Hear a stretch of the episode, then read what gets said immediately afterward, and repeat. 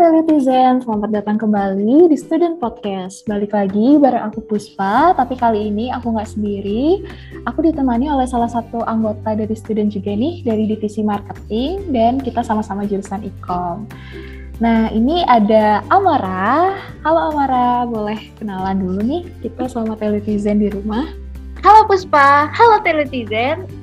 Uh, perkenalkan, nama aku Amara Aulia Dewanti, biasa dipanggil Rara. Aku dari jurusan Ilmu Komunikasi Telkom University dengan konsentrasi Marketing Communication.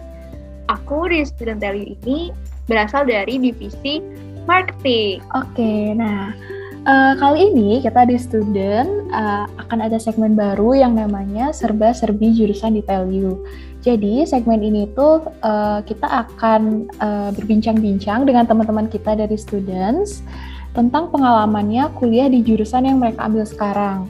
Nah, karena kita di student itu kan dari uh, berbagai jurusan ya, ada teknik, ada FIT, ada FKB, FRI, dan juga FIK. Nah, di episode pertama ini kita akan mulai dari jurusan kita berdua nih, yaitu jurusan ilmu komunikasi. Jadi kuliah ilkom itu gimana sih gitu kan? Nah, kita yeah. akan memberikan beberapa penjelasan soal jurusan ikom berdasarkan pengalaman dari kita berdua. Oke, daripada berlama-lama, yuk kita langsung aja ke pembahasannya. Yang pertama, kita akan jelasin dulu alasan kita masuk ikom Telium. Mungkin dari aku dulu ya. Uh, jadi dari aku, aku awalnya milih uh, ikom Telium itu sebenarnya sebagai plan B. Jadi dulu waktu SMA aku tuh uh, fokusnya dulu ke jurusan lain di uh, PTN dan itu lingkup ilmiah saintek. Nah setelah SBM terus akhirnya keluar hasilnya, uh, terus uh, aku terima sebenarnya di pilihan ketiga. Tapi uh, di sana aku uh, akhirnya dengan diskusi dan pertimbangan akhirnya aku pilih ikom Value. Kenapa pilih ikom? Karena waktu SMA selain pelajaran IPA aku itu juga suka sama pelajaran uh, di lingkup sosial dan bahasa aku itu suka nulis berita terus pernah bawain berita atau jadi news anchor dan menurut aku itu adalah satu hal yang aku suka jadi uh, terus aku pilih lah jurusan ilmu komunikasi ini jadi kurang lebih kayak gitu sih dan aku sampai sekarang enjoy uh, untuk masuk ikom dan bersyukur aku milih keputusan yang tepat saat itu. Gitu. Mungkin kalau dari Amara gimana nih?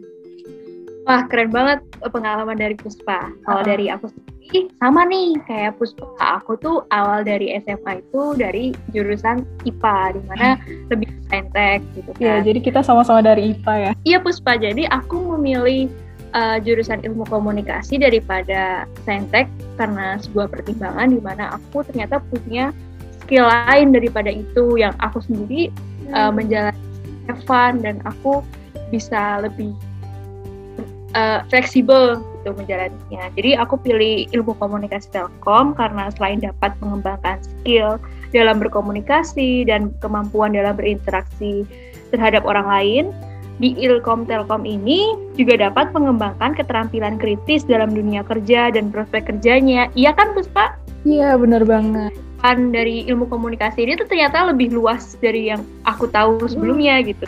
Dan sangat relevan dengan tuntutan perkembangan zaman yang dibutuhkan dari tahun ke tahun. Oh iya, Telitizen, tahu nggak sih di ilmu komunikasi Telkom University itu terdapat dua konsentrasi penjurusan yang buat kita jadi lebih profesional dalam uh, praktisi ilmu komunikasi. Yang pertama itu ada digital marketing communication dan yang kedua digital media. Nah, kalau aku sama Puspa pilih uh, digital marketing communication di mana uh, kita akan menjadi uh, seorang markomers yang bisa mengetahui uh, strategi pemasaran komunikasi dalam bisnis dan perusahaan. Nah, alasan kita pilih konsentrasi marketing communication, kalau dari aku sendiri, uh, kita sebagai ilmu komunikasi bisa uh, menggunakan uh, promosi komunikasi pemasaran yang dapat mengembangkan sebuah industri atau perusahaan dalam um, menciptakan kebutuhan pada konsumen seperti itu. Nah, kalau dari Puspa sendiri nih, kenapa sih alasan pilih Markom? Oh, Oke, okay. kalau dari aku sendiri, kenapa pilih Markom? karena aku merasa passionku memang lebih condong ke arah markom daripada uh, digital media ya atau kalau kita dulu kenalnya namanya broadcast. Iya betul. Nah, uh -uh. nah jadi sebenarnya kita nanti di tingkat satu di semester 1 dan 2 itu nanti kita dikasih yang namanya mata kuliah uh, campuran dari ada yang dari uh, markom dan ada yang dari broadcast. Jadi di sana kita dibuat untuk kita mengenali kalau passion kita tuh nanti kita lebih ke mana sih gitu kan. Nah, di situ aku merasa kalau aku lebih suka di mata kuliah yang emang basisnya markom daripada broadcast gitu. Dan aku tertarik uh, untuk mempelajari lebih dalam soal digital marketing. Mungkin kalau dari aku itu. Nah, kalau dari Amara tadi sudah dijelasin juga dan memang kita ini di Markom nantinya akan menjadi seorang istilahnya seorang Markomers ya namanya. Umumnya disebutnya Markomers seperti itu. Ya, betul. Nah, kan ada nih selain Markom ada konsentrasi digital media. Nah, kalau digital media itu pelajarin apa aja sih Puspa? Kalau digital media, nah waktu itu kan kurikulum baru ya, tapi kalau waktu di kita itu namanya broadcast. Nah, kalau berdasarkan kurikulum kita yang baru di kurikulum 2020 eh, apa namanya? si digital media ini itu lebih mempelajari soal uh, new media, budaya digital, pop culture, jurnalistik, aktivisme politik, terus ada linguistik, terus gender dan identitas seperti itu. Kalau kalah seru Oh, gak kalah serunya sama Markom. Ya, Nah, kalau dari di Markom sendiri, kita tuh kajian strategisnya ada apa aja, Puspa? Kalau dari Markom atau Digital Marketing Communication, itu kita uh, kajiannya itu ada itu ada integrated marketing communication, terus ada consumer behavior, terus ada branding dan event management. Itu sih. Jadi kurang lebih kelihatan kan ya perbedaannya antara Markom dan juga digital media atau broadcast. Iya betul. Kalau yang di Markom ini kita lebih belajar ke public relation dan marketing. Kalau di yang digital media itu lebih ke humanities. Terus kita lanjut ke pembahasan berikutnya tentang suka duka masuk ilkom. E, dari aku dulu ya. Jadi suka, kita mulai dari sukanya dulu. Kalau menurut aku suka di ilkom itu uh, ini sih matkulnya mata kuliahnya tuh seru dan relate dengan kehidupan kita sehari-hari. Selain itu uh, ini sih uh, tugas-tugasnya tugas ada namanya tuh tugas besar. Jadi setiap akhir semester itu akan ada sebelum uas itu akan ada yang namanya tugas besar ya. Nah itu tuh bisa kita jadiin apa sih namanya project yang udah kita kerjain. Jadi kayak misalkan di Urfil kemarin kita membranding sebuah daerah, terus kita juga um, ada juga tugas lain kita bikin strategi komunikasi pemasaran untuk sebuah UMKM kayak gitu. Nah itu tuh menurut aku sebagai nilai plus di mana kita bisa merasakan uh, untuk terjun langsung ke masyarakat. Kalau dukanya, dukanya apa ya? Kalau dukanya mungkin ini karena kita dari berbagai latar belakang, ada yang dari SMA, SMK, terus juga dari SMA-nya misalnya ada dari IPS, ada IPA, terus ada juga bahasa dan dari SMK-nya itu kejuruan itu. Nah, itu kadang itu membuat kita sulit untuk menemukan satu ide yang sama gitu. Iya. Tapi menurut aku itu uh, bisa sebagai tantangan untuk kita belajar gimana cara menghargai ide atau pendapat orang lain. Menurut aku kayak gitu. Kalau dari Amara gimana? Suka duka di Ilkom gimana? Nah, kalau dari suka, nah kalau dari aku sendiri nih uh, sukanya tuh da dari betul hampir sama kayak yang di Puspa bilang ada tugas besar di mana kita bisa praktek dari teori yang udah kita dapetin gitu kan. Hmm, Jadi bener, bener, bener. di mana kita melakukan pembelajaran sebelumnya gitu. Jadi kita nggak hanya teori saja nih yang kita dapetin, tapi kita juga tahu prakteknya di lapangan. langsung, benar-benar. Dan juga biasanya praktek ini tuh bisa kita tambahin ke portofolio kita buat nah. jadi lamaran kerja kita gitu. Jadi recruiter bakal lihat nih, oh jadi orang ini tuh nggak hanya pintar dalam uh, teori saja, tapi eksekusi dia juga bisa gitu. Benar banget. Di dari dari ilmu komunikasi Telkom ini gitu ya. Mm. Juga sukanya dari ilmu komunikasi Telkom itu kita difasilitasi berbagai uh, media dan juga pembelajaran iya. Nah banyak banyak yang bisa kita pelajari gitu nggak hanya kajian uh, dari pemasaran saja tapi kita bisa belajar uh, berbagai aktivitas budaya seperti itu jadi hmm. Banget deh mau yang dari pemasaran banget atau mau yang media humanitis juga ada gitu ya. Kalau dari hanya ini karena mungkin kita online ya jadi kita adanya berinteraksi secara langsung di mana kalau komunikasi itu kan harus ada kesamaan pesan ya di antara dan komunikator nih. Jadi kan harus bisa saling uh, bekerja sama gitu kan. Tapi karena online mungkin itu jadi sedikit terkendala gitu kan tapi nya online atau new media ini kita bisa uh, melakukan sebuah perkembangan hal baru gitu ya jadi meng menganalisa bagaimana sih melakukan komunikasi secara online yang relevan begitu. Oke, Telutizen. Jadi selain di ilmu komunikasi Telkom University ini terdapat adanya pembelajaran secara teori yang lengkap, kita juga bisa loh ikut berbagai kegiatan bermanfaat di Ikom Telkom. Ada ada klub dan juga ada organisasi serta ada proyek-proyek kepanitiaan yang bisa kita jalani untuk pengembangan skill kita dalam praktisi ilmu komunikasi. Nah, kalau dari Puspa nih, kamu ikut klub atau organisasi apa aja sih di Telkom ini? Kalau aku di IKOM, di klub di IKOM, aku ikut namanya IKC. IKC itu singkatan dari IKOM Channel. IKOM Channel itu secara gampangnya kita bisa bilang sebagai broadcasting lab di Tell You. Nah, di IKC ini aku di divisi news uh, atau aku sebagai video jurnalis. Nah, karena aku dari jurusan Markom dan aku sebenarnya juga tertarik dengan dunia jurnalistik, jadi aku ikut di uh, eh, IKC ini di divisi news. Nah, selain itu, aku juga ikut di Students. Di Students, awalnya aku sebagai jurnalis, terus sekarang jadi pemimpin redaksi. Karena pada dasarnya aku suka nulis dan ingin ngelatih skill nulis aku di sini gitu. Nah, di students dan di IKC karena aku sama-sama di divisi news atau uh, jurnalis, jadi uh, kegiatanku itu ya liputan acara kampus. Ini waktu offline ya. nah, tapi uh, yang buat beda di sini adalah kalau di IKC itu aku outputnya hasilnya adalah berita itu menjadi apa video, sedangkan kalau aku di students itu aku uh, outputnya itu dia dalam bentuk tulisan di web. Jadi sama-sama mengasah skill di bidang jurnalistik sih kalau di students dan di IKC. Kalau dari Amara gimana? Oke, okay. okay, jadi kalau di aku sendiri, aku ikut dua klub di ilmu komunikasi dan dua organisasi di uh, luar klub. Yang pertama, aku ikut di Radio Club, yaitu merupakan sebuah wadah dalam mengembangkan kemampuan mahasiswa ilmu komunikasi Telkom University dalam bidang broadcasting radio. Nah, di di Radio Club ini aku ada di divisi marketing, di mana kita bisa mengembangkan uh, kemampuan dalam berinteraksi terhadap orang lain dan juga uh, melakukan strategi yang baik dalam per perkembangan. Nah, kalau di Ready Radio Club ini juga uh, menggunakan uh, Spotify dalam podcastnya. Jadi bisa meningkatkan efektivitas dalam mendengarkan hasil rekaman radio yang udah kita rekam nih.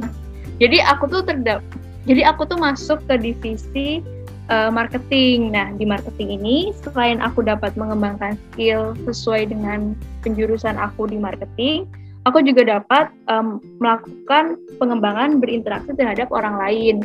Karena kan kita yang berhubungan antara internal dan divisi eksternal.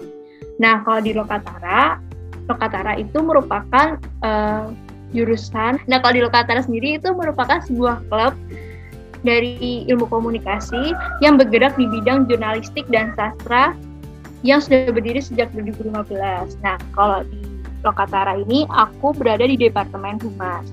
Nah, di Departemen Humas ini aku berada, berada di, di divisi Kominfo awalnya. Nah, divisi Kominfo ini uh, bertugas dalam mengelola sosmed dan juga mengunggah hasil karya-karya dari Lokatara ini. Nah, kalau di Departemen Humas ini, selain kita dapat mengelola sosial media yang ada di uh, Lokatara, kita bisa juga melakukan sebuah partnership seperti media partner ataupun uh, event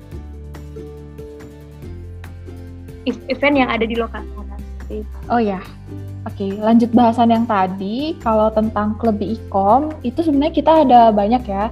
Kita itu sebenarnya ada berbagai klub. Yang pertama tuh ada IKC, terus ada yang tadi uh, yang Amara itu ada RRC, itu Ready Ready Club, terus ada juga Lokatara, itu dia fokusnya di bidang jurnalistik, terus juga ada ICT, hmm, ICT, oh yang pertama ICT, terus ada dan yang terakhir ada kopi. Kalau ICT itu dia bergerak di bidang desain ya, desain um, visual. Ya, iya. Uh, kalau kopi itu lebih ke fotografi gitu. Jadi masing-masingnya itu emang ada uh, konsentrasinya masing-masing gitu. Iya betul. Uh, terus setelah kita bahas klub di Ikom, sekarang kita bahas tentang uh, tips belajar di Ilkom. Nah, mungkin yang pertama dari aku dulu. Uh, kalau dari aku, karena aku adalah orang yang tipe belajarnya itu visual, jadi aku harus uh, membaca. Jadi kalau dari aku sendiri, mungkin tipsnya itu mungkin kalian yang tipe belajarnya sama kayak aku yaitu harus uh, visual jadi kalian tuh harus banyak membaca selain banyak membaca dan rajin membaca tentunya kalian uh, juga harus uh, selalu update soal isu-isu yang sedang hangat nih karena itu sering jadi bahan belajar kita di mana misalkan kita menganalisis tren pasar sekarang itu apa jadi kita itu harus mengikuti perkembangan yang ada mungkin tips belajar dari aku itu sih kalau dari Amara gimana? Nah kalau tips belajar dari aku, uh, aku tuh lebih ke praktek. Jadi gimana kalau misalnya dari teori yang dikasih dari dari dosen nih, nah kita tuh bisa langsung praktek dalam um, memberikan hasilnya. Jadi aku, aku bakal lebih tahu kalau aku aku sendiri berada dalam uh, proses itu gitu. Misalnya dari sosial media engagement, terus kita disuruh bikin tugas untuk diupload ke sosial media dan kita tahu nih gimana sih uh, dalam teori dan praktek itu sebenarnya sama nggak ya gitu.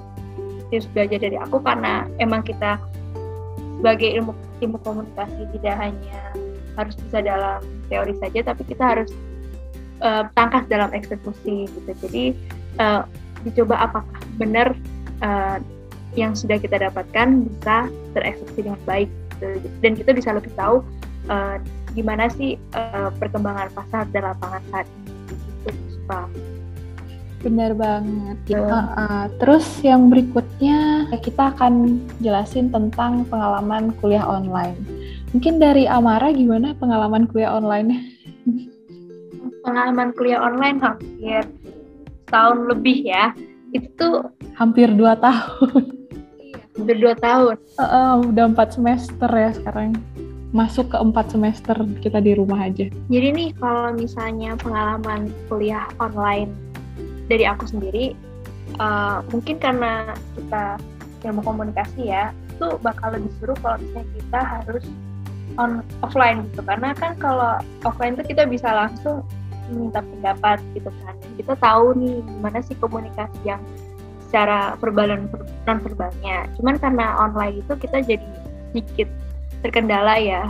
Gimana kita harus dalam komunikasi itu kan harusnya terkoneksi dengan banyak orang gitu. Tapi kalau online kan kita jadinya ya sedikit belum bisa memahami secara langsung dan bagaimana sih uh, topik apa ya, orang yang kita ajak bicara gitu jadi belum adanya uh, apalagi kalau yang maba-maba baru nih kayaknya kenal orang apa ya jadinya kenalan kenalan barunya tuh jadi cuman ter, jadi topik gitu loh. Ada yang kayak belum bisa mengenal secara langsung orang yang diajak ngobrol gitu. Menurut aku uh, tipsnya adalah kita harus bisa uh, melakukan uh, adaptasi dalam uh, setiap perubahan yang ada dan menurut aku ilmu komunikasi ini cukup relevan dalam sebuah uh, adaptasi itu seperti itu sih dari aku Puspa kalau dari Puspa gimana? Kalau dari aku pengalaman kuliah online ya, uh, itu ada pro dan kontranya sih. nah, oh iya, gimana tuh? Uh, pro-nya itu menurut aku kita bisa dapet materi atau PPT itu langsung, jadi kayak lebih efisien aja gitu, nggak kayak waktu offline kan. Uh, apa ya materi itu bisa dap kita dapetinnya tuh waktu udah uh, belakang-belakang gitu udah mau uas baru kita dapet materi. iya bener banget. Bener kan? Baru ada akhir ya. uh, uh, kalau sekarang kan bisa langsung gitu. Jadi kita bisa langsung coret-coret di sana gitu kalau dalam hal belajar ya. Terus juga belajarnya bisa lebih apa santai. Jadi kita nggak perlu buru-buru. Misalkan harus kayak dulu kan ke kampus uh, misalkan jamnya udah lewat gitu kita jadi buru-buru dan nggak nggak sempat ngapa-ngapain. Kalau sekarang itu bisa agak lebih santai. Terus uh, kontranya itu lebih ke teknis sih sebenarnya. Kayak jaringan. Jaringan tuh kadang kan sering bermasalah kan. Iya betul. Kadang tuh bikin apa ya jadi terhambat gitu. Apa karena jaringan iya. ini. Terus selain itu juga kadang kan uh, kondisi rumah yang kurang kondusif gitu. Dan bener banget sih. Uh, kadang suara gangguan atau apalah gitu pasti bikin jadi rame banget gitu kan. Nah, apalagi tuh kita ilmu komunikasi ya jadi kita tuh harus selalu terhubung sama orang lain gitu Mana kalau misalnya kita perbedaan wilayah itu kan koneksi kita nggak ada yang tahu ya hmm. di sini kita lancar teman kita yang lagi bikin tugas kelompok. Bener. kurang lancar. Jadi kan itu kan hambatan ya sebuah hambatan dalam kita terus mengerjakan. Ya hmm. Dan dan sekarang ini kayak dan kadang yang bikin kangen sama kuliah online itu eh online lagi offline itu kayak suasananya itu loh iya. Jadi suasananya kita lebih uh, mengenal orang secara langsung gitu kan. iya lebih apalagi langsung. Iya apalagi buat ini nih anak-anak yang online nih kayak sayang banget kan mereka kurang bisa um, mengenali gitu loh komunikannya hmm. Agak susah gitu. Dan apa sih yang kangen yang kangen banget gitu dari offline tuh suasananya nggak sih? Suasana di mana kita iya betul kita dari apa kita datang ke kampus datang masuk ke kelas terus duduk terus belajar rame-rame gitu. Itu tuh iya. bikin kangen nggak sih? Iya, suasana iya, kehidupan kampus tuh bener-bener iya, bener. banget sekarang. Iya, rasa banget sama. sekarang tinggal udah semester akhir dah. Ah kayak ya begitulah tapi nggak apa-apa ya udah jalanin aja. Iya betul. Oke terus uh, setelah kita bahas pengalaman kuliah online sekarang kita bahas tentang urfil online urfil online uh, jadi sebelumnya di jurusan kita di eh, di konsentrasi kita di Markop itu ada yang namanya sebuah event besar namanya Urban Village. Jadi sekilas Urban Village ini itu adalah di mana kita membranding sebuah daerah gitu ya. Nah di Urfil ini sebenarnya kalau offline itu kita ada rangkaiannya tuh banyak ya dari Idea Fest sampai di puncak Urfil itu. Final. Oh, di finalnya. Tapi karena kita online, jadi semua itu dibatalkan dan kita akhirnya bikin event online dengan webinar gitu. Nah, pengalaman Urfil online nih, mungkin dari siapa dulu dari aku atau Amara? Boleh dari Puspa dulu. Kan tadi udah dari aku. Oh, Oke, okay, dari aku dulu ya. Kalau menurut aku Urfil online itu gimana? Menurut aku seru karena ini kan kegiatannya jadi baru ya. Maksudnya kita kan angkatan pertama yang Urfilnya ya, tuh tahun pertama yang urfilnya online. Uh, tahun pertama eh tahun per, angkatan pertama yang bener-bener urfilnya tuh tanpa tanpa kegiatan langsung di biasanya di seingat aku gedung sate ya. Oh iya gedung sate. Nah, kan biasanya kalau offline tuh kita di ngadain acara di tempat-tempat di public space kayak di gedung sate, terus biasanya di taman lansia. lansia. Uh, Nah, kalau Urfil online itu kita di sini kegiatannya baru, jadi kita webinar ya sifatnya kemarin. Hmm. Uh, jadi menurut aku Urfil online itu seru, terus kegiatannya baru. Walau kita nggak ketemu teman-teman, tapi kita bersyukur ya bisa bikin suatu event tanpa kita menghilangkan esensi dari Urfil, Urfil itu sendiri. Iya, jadi, betul banget. Uh, walau beberapa kegiatan jadinya dibatalin, tapi kegiatan Urfil ini tuh tetap jalan dan untungnya semua itu lancar ya.